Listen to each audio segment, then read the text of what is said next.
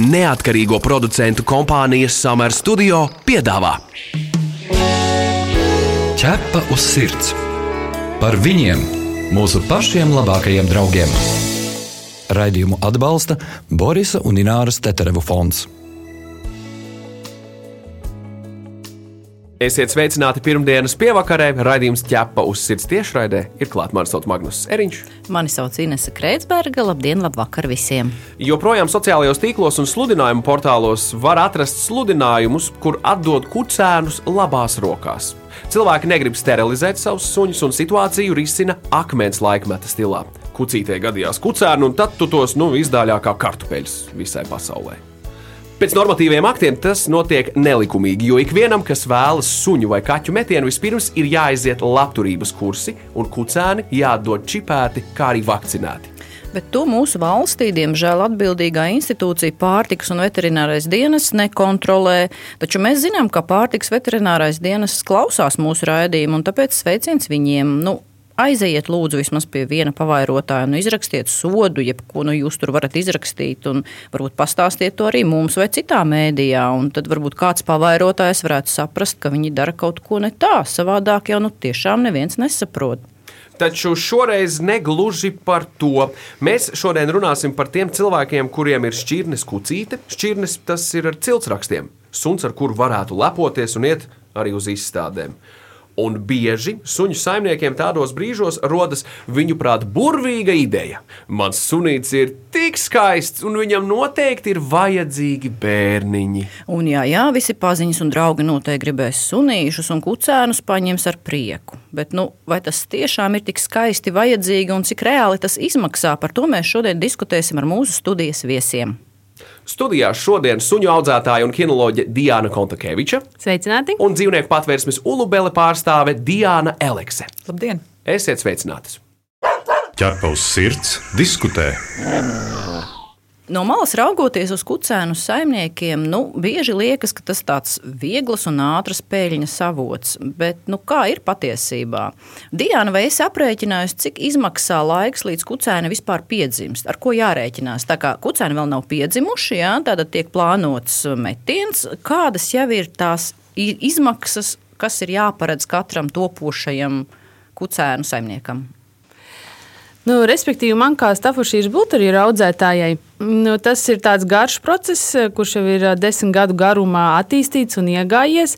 Līdz ar to man būs grūti teikt kaut kādas konkrētas izmaksas, bet ja mēs sākam no tā nulles punkta, nopērkot šo kā, meiteni, kucīti, ar kuru tu tālāk turpini strādāt un domāt par šiem kucēniem, Tad galvenais, nu, uz ko es uzliktu uzsvaru, ir šim sunim veikt veselības pārbaudes.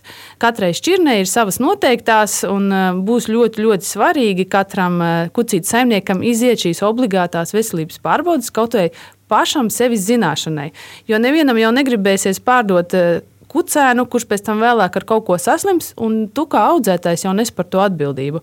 Jo tas saimnieks jau tevi atcerēsies, ka tu pārdevi slimu kucēnu ja, vai kucēnu ar ģenētisku problēmu.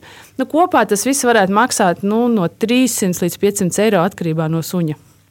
Turpinot uh, sarunu par šo, vai, vai Diana, tev pašai bija un kādas, ja bija ilūzijas pirmo reizi izšķiroties par kucēniem? Un ko tu būtu gribējusi zināt jau pirmajā reizē? Varbūt es tik labi nemācīju lasīt ciltsrakstus, līdz ar to es nesapratu, kādi ir šie izvēlētā puikas vecāki.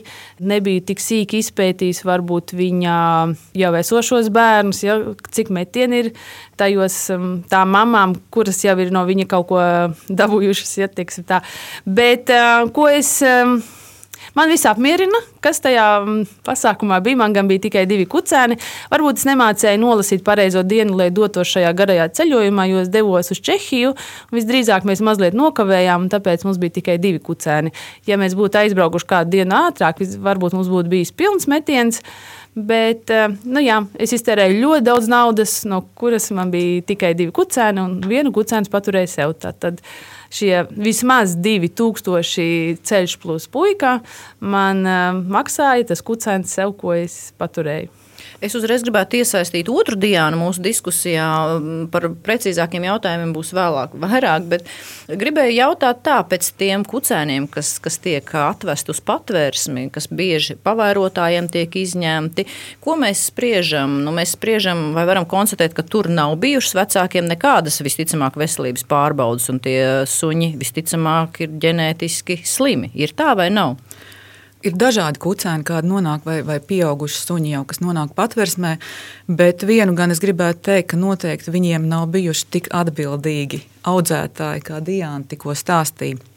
Jo to mēs arī redzam, ka, ja ir atbildīgs audzētājs, un ja viņa nu, audzēknis, tātad viņa kucēns, kas jau varbūt ir pieaudzis, nonāk patversmē pēc kāda laika vai pat pēc gadiem, viņi seko līdzi un viņi ļoti rūpējās arī tad, ja šie kucēni nonāk patversmē, un viņi brauc pakaļ, un viņi uzņemās atbildību arī patiešām uh, visu šī suņa mūža garumā. Tādi gadījumi ir, bet tādi ir ļoti reti. Ļoti reti. Tad to, ko mēs redzam, ka ir pirmkārt bijuši bezatbildīgi audzētāji, vai šajā gadījumā mēs varētu teikt pavairotāji, un ka ļoti daudzos gadījumos patiešām šie te, uh, suņi, kas nonāk, ir uh, ar smagām uh, iedzimtām ģenētiskām problēmām kuras parasti ir kā, nu, cēlonis tiem vecākiem nezināmas izcelsmes, vai ne? Nezināmas izcelsmes, tad droši vien arī tuvradniecības krustošanās rezultātā tās šīs slimības ir radušās un attīstījušās. Un, jā, nu, tā tad arī iespējams daudzos gadījumos ir ļoti slikti apstākļi. Ķerpa uz sirds skaidro faktus. Mēs šobrīd um, runājam nevis par tiem uh, pavairotājiem, kuri štāncē kucēnus peļņas dēļ. Mēs mm. runājam par cilvēku parasto, ah. vienkāršo, kuram ir skaista šķirnes kucīte, un viņam ir kaut kāda tāda doma, ka viņam nu, tomēr vienu reizi vajadzētu skaistu kucēnu metienu. Jā. Mēs šobrīd runājam par viņiem, ka nu, vai nu tiešām viņiem to vajag. Un tāpēc mēs ar Diānu jau esam tikuši līdz brīdim, līdz kucēniem, kādas ir izmaksas. Un tad ir jautājums, kādas ir prognozētās un neprognozētās izmaksas, kad jau kucēni ir piedzimuši līdz viņu diviem mēnešiem, kad viņus jau dod prom jaunajiem saimniekiem. Kādas ir šīs izmaksas?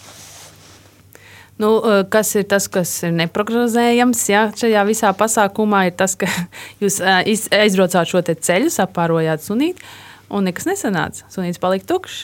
Tad visas šīs jūsu izmaksas eh, aizgāja, nu, tā rupi runājot, miskastē. Un nav nekāda līdzekļa atgriešanās iespēja vai kas tāds? Nu, Galu galā pakalpojums nav noticis pakalpojums jau notika, puika jau viss izdarīja. Tas, ka tā, jūs atbraucāt pa ātri vai pa vēlu, vai meitenei varbūt kaut kas nebija kā vajag, ja, tas e, jau puika neuzņemās atbildību. Viņš ir uzkāpis, viņš ir sadarījis savu lietu un, un mantu atdevis, un, bet meitene palika tukša. Jā, puikas ir pretīm nākoši, viņi atļauj otru reizi atbraukt bez maksas, bet ņemiet vērā ceļu izdevumu atkal ir uz jūsu rēķina, tos gan viņi nesedz. Bet trešo reizi jau viņš vairs neaicinās. Viņš teiks, ej pie doktora, nebrauc pie manis, es tev, tev ne, nepalīdzēšu.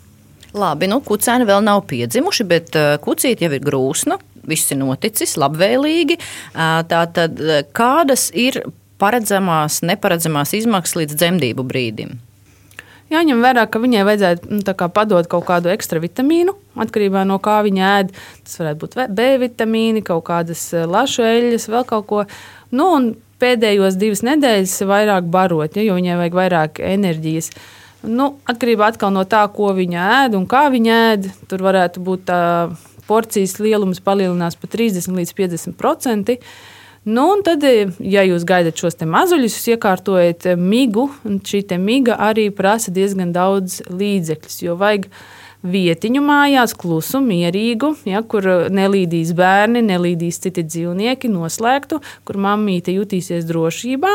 Un arī tāda mīga maksās nu, kaut kur 100 līdz 200 eiro viņu pagatavot. Tāda kā speciāla kaste, kuru ir arī viegli tīrīt. Uh, Labi, labi. Kur tā pirks pa simts? Nu, uztaisīs pats no kartona, segu ieliks. Neuztaisīs no kartona, jo arī dzemdību procesā no mamītes izdalās ne tikai kucēni, bet arī visādi šķidrumiņi. Tas kartons to jau viņi nezina. To jau viņi nezina. nu, tā tad ir, nu, viņi ir iek iekonomējuši to dzemdību noris, piedzimst kucēni. Un tagad lūdzu, varbūt pastāstī par to trakāko, kas ir tajā posmā, kad ir piedzimuši kucēni līdz tam brīdim, kad tu sāc meklēt saimniekus. Nu, posms no dzemdībām līdz, līdz mājās iešanai ir viens traks posms. Pirmās trīs diennaktis jūs vienkārši neguļat.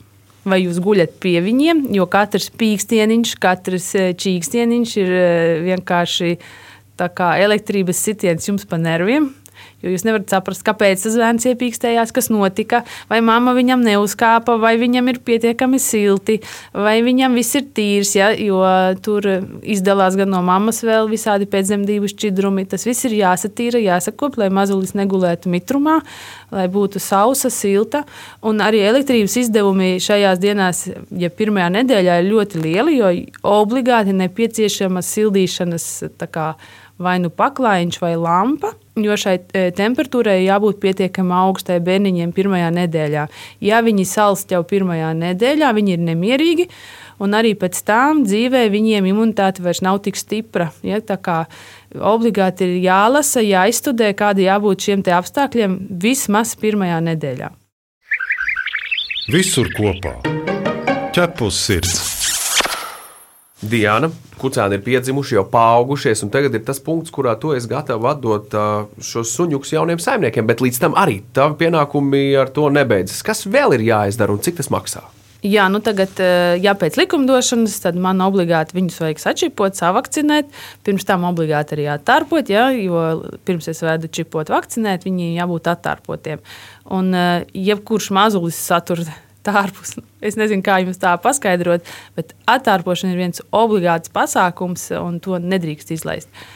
Nu, lūk, Tātad jūs esat iegādājušies tārpu zālītes, attārpojuši, pēc tam dodaties vai nu vetārs brauc pie jums uz mājām, vai jūs dodaties uz klīniku. Viņi ir jāsavakcinē un jāsačipo. Nu, tad kā nu kurā klīnikā viena suņa čipošana un vakcinēšana varētu būt ap 50 eiro. Nu, tad, ja jums ir vismaz 5, tad kā 250, tas ir minimums. minimums.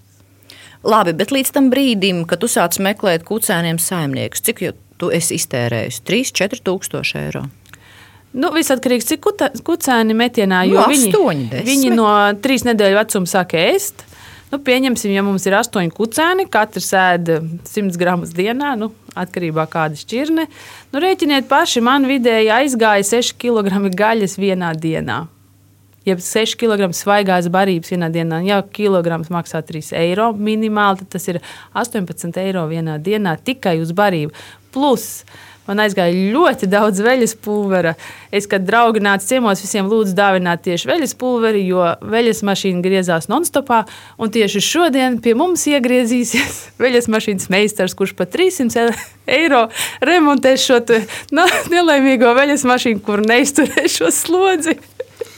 Atgādinām, ka pie mums studijā šodien ir kinoloģija un suņa audzētāja Diana Kontakeviča un dzīvnieku patvērsmes ulubele pārstāve Diana Elekse. Un mēs diskutējam par to, cik skaists ir mans suns, un tam noteikti vajag bērniņus. Kāda ir patiesā cena, lai papriecātos par kucēniem? Šo radio pārraidi, protams, varēsiet dzirdēt arī populārākajās straumēšanas vietnēs, podkāstu formā, kā arī www.ķepus sirds LV mājaslapā arhīvas sadaļā. Ķepus sirds, suņu būda. Kucēns atšķepēt, viss ir izdarīts, viss ir noticis, un tagad ir jāatrod saimnieki. Kā notiek šis process? Vai vienmēr ir rinda, un kucēni jau ir rezervēti saulaicīgi, vai arī tomēr ir tādas bažas, ka, nu, nu, ka visus nepaņems, un ko tad darīt? Bažas ir vienmēr. Nu, ja tu esi jau tāds profesionālāks audzētājs, tad, paldies Dievam, tev ir kaut kāda rinda. Bet šobrīd, kad ir ļoti augsti uzkāpuši komunālie maksājumi, gāze un elektrība, diemžēl cilvēki izkāp no šīs rindas, jā, atsakās no kucēniem vai grib pagaidīt. Un šobrīd tieši tirgu ir ļoti slikta situācija, ka ir diezgan grūti atrast kucēniem saimniekus. Gribās pat neskatoties uz to, ka es ieguldīju daudz naudas, laika un enerģijas. Tev pat gribās viņus vienkārši uzdāvināt, lai tikai viņiem būtu šīs jaunās mājas. Kas nav arī pareizi. Bet situācija ir diezgan bēdīga. Nu, re, es te aicinātu ik vienu, kurš domā, ka viņa unikālajai kucītei vajadzīgi bērniņi. Nu, iedomājieties, ja nu metienā piedzimst 12 kucēni, nu, kaut vai 10, bet tā ir ļoti bieža situācija. Un paņem tikai 4. Un ko jūs darīsiet ar pārējiem? Sevišķi, ja tie, piemēram, ir liela auguma. Ja? Un tad sākas panika, jo tad atdod jebkuram, un tur atbildība vispār netiek mērīta. Vai kas tālāk sakrauj grozā un aizved uz patvērsmi. Diana, kā patvērsme jūt sekas šo cilvēku idejām, ka grib kucēnus? Nu, scenāriji ir visdažādākie. Un, uh, es gribētu teikt, tā, ka patvērsme ir tas mirklis, uh, no patvērsmes redzes punkta skatoties, ir tas mirklis, kad uh, kā ziepju burbuļi pārplīst šie saimnieku rozā sapņi par to, ka viss būs labi. Tad, tad pazūd šie mīti, ka visa pasaule sadosies rokās, lai tikai manus kucēnus um, iekārtot jaunās mājās. Saplīst mīts par to, ka man ir vajadzīgs tikai smūgs groziņš un fotoaparāts, uh, lai šos kucēnus, uh, nu, tā teikt, atrast viņiem jaunas mājas. Un, uh, jā, ļoti bieži gadās tā, ka cilvēki zvana zinot to, ka īsti neņems pretī, varbūt eh, tad, kad tu pateiksi, man nav kur likt manus kucēnus, bet māk melot, māk samelot un pasakot, ka man atnesa, man nolika pie durvīm, man atstāja. Eh, es atradu mežā, un, jā, un tā viņi nonāk patversmē, diemžēl kamēr vēl ir cerība, ka paņems, tas ir nu, līdz trīs mēnešiem, četriem mēnešiem, kamēr ir vēl tas mazais smukais kamoliņš, nu, kas izskatās, kas sēž kā lēlīte uz spilventiņa, un uh, kuru var tādā veidā arī nu, tā smuki parādīt. Tik tālu vēl tā cerība ir, ka viņu izdosies no viņa tikt vaļā, nu, atdodot labās rokās, piemēram. Ja? Bet pēc tam, kad sākās tas tīņa vecums, kad sākās uh, graušana, kad sākās uh, mājas demolēšana, un tad, kad ja viņi ir vēl vairāk piedāvājumi pie visa, protams, tad ir tas brīdis, kad uh, no viņiem gribās ātrāk atbrīvoties. Runājot Diana, par, par kucēniem, kas tiek atstāti, vai ir kāda šķirne, kas īpaši iezīmējas, kur ir populārākie, ja tā varētu teikt? Nu, jā, jo tas ir vēl viens mīts, ja tu redzēji smuku filmu. Uh, un tev patīk, iepatīkās dalmācietis, vai tev iepatīkās džeka rasela kucēns, vai tev vēl jau trakāk iepatīkās haskijs, viņa zilās acis, un tu neko nezini par šķirnes īpašībām. Un tu ņem tikai smuku kucēnu un viss. Un tajā brīdī, kad sāk parādīties viņa raksturs, viņa temperaments, jā, nu tad izrādās, ka tu īstenībā ar viņu netiec galā. Un tev nav nekādas pamatzināšanas skološanā, tev nav vēlēšanās ar viņu nodarboties. Un, diemžēl gadās, ka šādos, eh, šādos brīžos arī pie mums nonāk kucēni, kas ir jau nu, parasti ir kaut kādi 5, 6 mēnešu veci kucēni, kas ir eh, šķirnes kucēni, kas prasa īpašas nodarbības. Nu, piemēram, mini kādu nu, piemēram, Kanikorso. Ja, kur prasa īpaši teikt, eh, ne tikai kopšanu, uzturēšanu un rūpes, bet arī nodarbības. Ir gadījumi arī, ka atdod vienkārši tāpat labās rokās, bet, kā mēs zinām, labās rokas, kuras uh, pavelti visu saņem, ļoti ātri pārstāja būt labās rokas, viņam arī apnīk būt. Ja? Un, un līdz ar to tiek atdot tālāk, uh, tiek uh, aiziet par rokām kucēni. Un vienā brīdī viņi tik un tā nonāk patversmē. Es ticu, ka mūsu dzird šobrīd ļoti daudz cilvēku, un to vidū varētu būt tādi, kuri šobrīd ir pārdomu procesā, gribu kucēnus, Ko viņiem vajadzētu pateikt? Kas būtu vēl tāds, kā mēs viņus varam atrunāt no potenciālajām problēmām? Es varētu teikt, tā, ka ir viens mīts, kurš joprojām dzīvo cilvēkos. Tas ir, ka, lai kucīte nobriestu, lai viņa būtu laimīga, vismaz viens metiens ir nepieciešams šajā dzīvē. To sakot arī vetārsti reizēm. Nu, es gribētu zināt viņu pamatojumu. Jā, atsaucieties kādu, ka, kurš ir dzirdējis konkrētu vetāšu ar vārdu uzvārdu, kas to iesaka. Mēs to labprāt zinātu. Varat rakstīt mums anonīmi, bet nosauciet vetāšu uzvārdu lūdzu.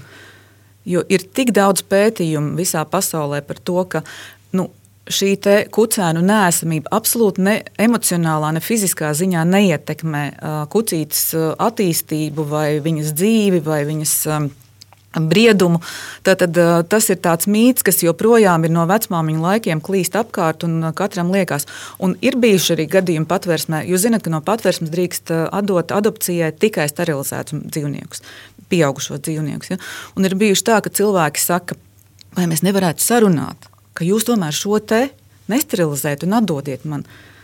Un tad man liekas, Kamon, tu esi patversmē, paskaties apkārt, cik daudz šeit ir dzīvnieku, pamestu, nelaimīgu, kuriem ir nepieciešams šīs mājas, un tu vēl gribi turpināt šo te pašu tālāk. Labi, bet uh, tomēr jūsu katrs viedoklis. Kāpēc tomēr ir šie cilvēki, kuri grib savai kucei kucēnus? Ar ko tas ir izskaidrojums jūsuprāt? Tā ir kaut kāda ilūzija joprojām vai kāds cits iemesls?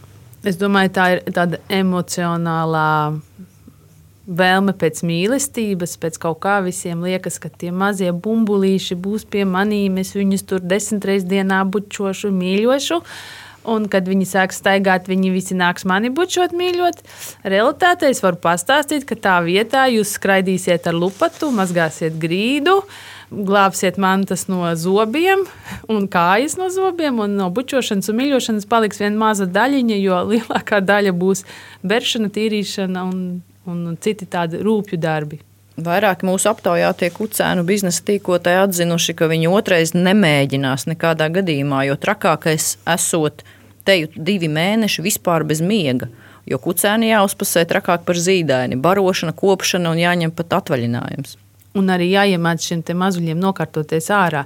Un tas nav tā, ka vienā dienā jūs teiksiet, nu, mazie, ejam, tagad jūs čurāsiet un kakāsiet zālītē.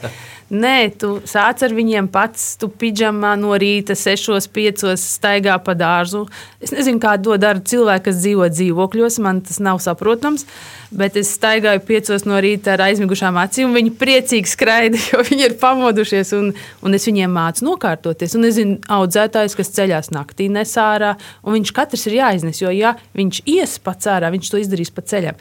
Tad katrs kucēns tev ir jāiznes līdz ārai. Un tur par to, ka viņš ir nokārtojies, jāpiefiksē tas un viņš jāpaslavē. Un tā tas ir jādara vairāku nedēļu garumā, līdz viņš tiešām iemācās nokārtoties ārā. Cik tev ir bijis rekords, cik ilgi ir jāstrādā ar kādu varbūt īpašu gadījumu? Nu, divus mēnešus tu arī ar viņu darbojies. Principā no četrām nedēļām mēs ejam ārā. Un tad, kamēr, man daudz kucēm brauc uz ārzemēm, tad, tad viņi dzīvo pie manis četrus mēnešus.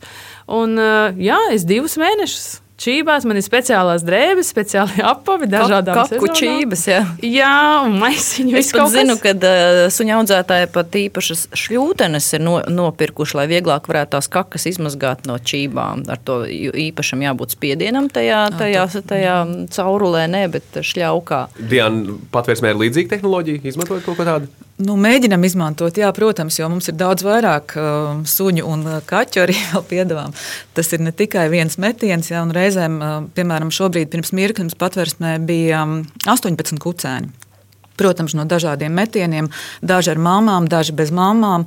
Un, uh, tad gadās arī tā, ka tu esi mammas vietā tiem kucēniem. Un tev nākās viņiem mācīt to, ko mamma mācītu, varbūt uh, pastāvīgi šo divu mēnešu laikā tev nākās viņam mācīt. Nu, tomēr redz, patvērsme redz šīs sekas, un tāpēc mēs arī esam diezgan droši arī skaļi paust to, ka nu, Latvijā ir milzīga dzīvnieku pārprodukcija, ļoti, ļoti katram būtu jāpiedomā pie tā, vai vairot vēl šos nekam nevajadzīgos uh, dzīvniekus. Un tāpēc man Diana jautājums ir, kāds ir portrets šiem cilvēkiem, kas tomēr grib tos kucēnus? Viņi dzīvo pilsētā, lauku teritorijās. Kāds viņiem vidējais vecums? Mēs kaut ko tādu varam saprast. Tie, kas apzināti grib, tie, kas apzināti dara šo procesu, es domāju, ka tas ir. Um, nu, drīzāk tā ir tāda ilūzija par to, ka būs viegli, vai ilūzija par to, ka es varēšu nopelnīt.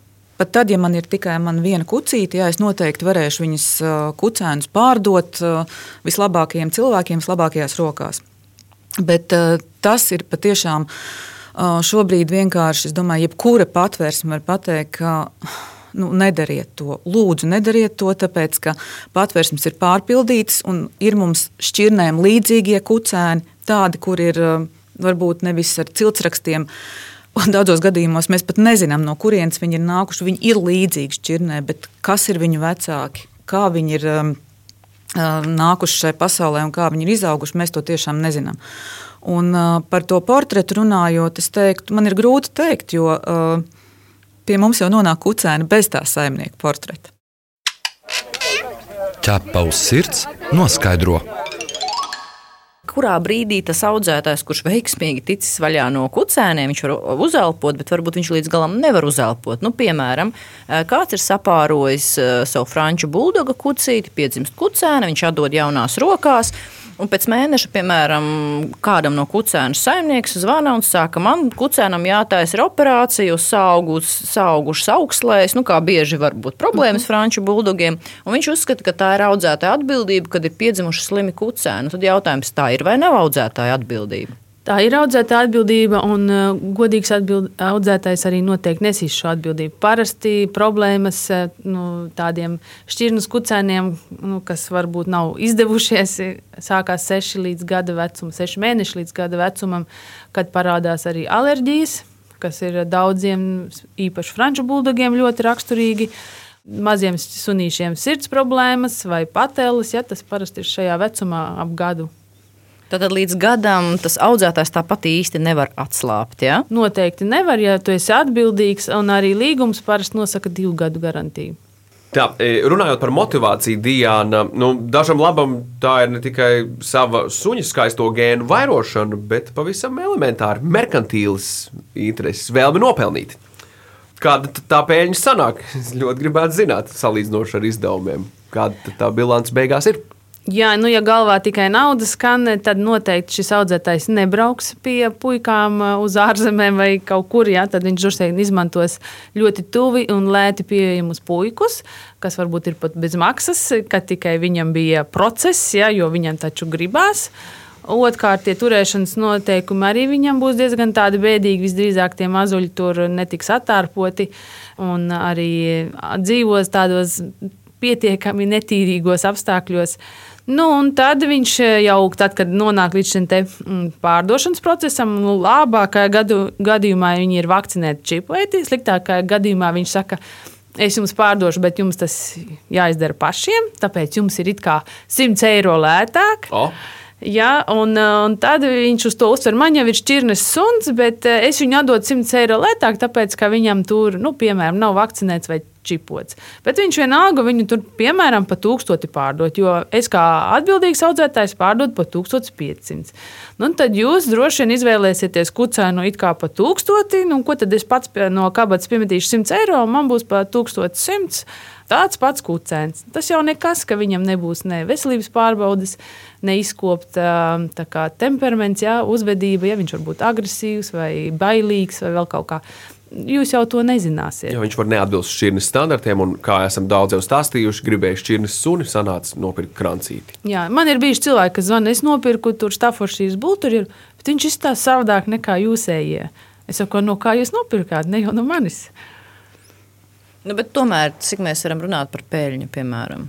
Tātad, ja tas audzētājs devis kvalitatīvu barību, ja viss ir izdarījis tā, kā vajag, nu, tur tā peļņa īpaši liela nevar būt. Tas jau tāds dārgs hobijs drīzāk. Jā, tur vispār tev peļņas nav, tev ir tikai mīnus, jo tas ir tiešām dārgs hobijs. Citam patīk braukt uz sporta mašīnu, nu, viņš tērē naudu sporta mašīnās, brauc papli.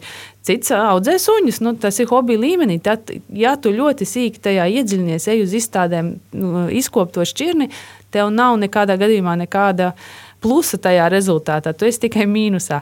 Bet, eh, ja tu gribi tiešām ar viņiem pelnīt, nu, tad tu ļoti daudzas lietas nedari. Vienkārši neej uz tādām izstādēm. Priekš kam tev 100 eiro atdot nedēļas nogalē, lai tavam sunim pateiktu, kāds, ka viņš labi izskatās. Nu, tu vienkārši nedari. Tu ietaupi šo naudu. Nu, tad varbūt arī ir šī peļņa. Tikai jautājums, vai šī peļņa ir vienāda ar morāli. Nezinu. Ko mēs noslēgumā varam piebilst? Nu, varbūt tās tiem, kas plāno kucēnus, varbūt tomēr iepazīties ar kādu audzētāju, kuram šis process jau ir bijis, un nu, varbūt aprunāties nu, tā, lai, lai, lai nav uz dūlo, kā saka. Vēl es ieteiktu aizbraukt uz dzīvnieku patvērsmu un apskatīties, kas var potenciāli notikt ar jūsu kucēnu, kurš jums vienā brīdī var apnikt, apriepties, vai viņš neatbilst kaut kādām jūsu expectācijām. Tā būs nu. vieta visdrīzāk, kur viņš nokļūs, un mums ir jāizdara viss iespējamais, lai viņš tur nenokļūst. Jā, drīzāk jūs nevarat garantēt, kā pret tiem kucēniem, kas būs no jūsu rokām paņemti, kā viņi izturēsies nākotnē. Sevišķi, ja viņi ir atdoti vienkārši labās rokās, un jūs nesakojat līdzi viņu dzīvē tālāk. Pieliekot punktu šajā reizē, Diana Kontakeviča, paldies, ka viesojāties šeit. Dienai Aleksai arī dzen liels paldies, paldies. par viesošanos raidījumā ķepa uz sirds. Un tās svarīgākā morāla ir būt adekvātiem un nelikt naudu pār, pār visām pārējām interesēm. Un, ja kādu gribētu samīļot, brauciet ciemos. Vai jūs patvērst? Vai jūs patvērst? Perfekti. Mīļš, paldies par sarunu šajā reizē. Ticu, ka tiksimies vēl. Tu esi mans draugs, ķepus sirds. Atgādinām, ka ķepa uz sirds TV raidījumam varat sekot līdzi katru sestdienu, 11.15 un atkārtojumās svētdienās LTV1. Mēs arī gaidām jūsu jautājumus, ierosinājumus, kā arī idejas sižetiem. Rakstiet mums uz info atķepa uz sirds LV. Bet šajā raidījumā tas ir arī viss. Mani sauc Inese Kreitsberga. Mani sauc Magnus Eriņš. Raidījumu veido neatkarīgo producentu kompānija Summer Studio. Visu labu! Atā! Ķepa uz sirds! Informatīvi izglītojoši raidījums par dzīvnieku pasauli un cilvēkiem tajā. Raidījumu atbalsta Borisa un Ināras Teterevu fonds.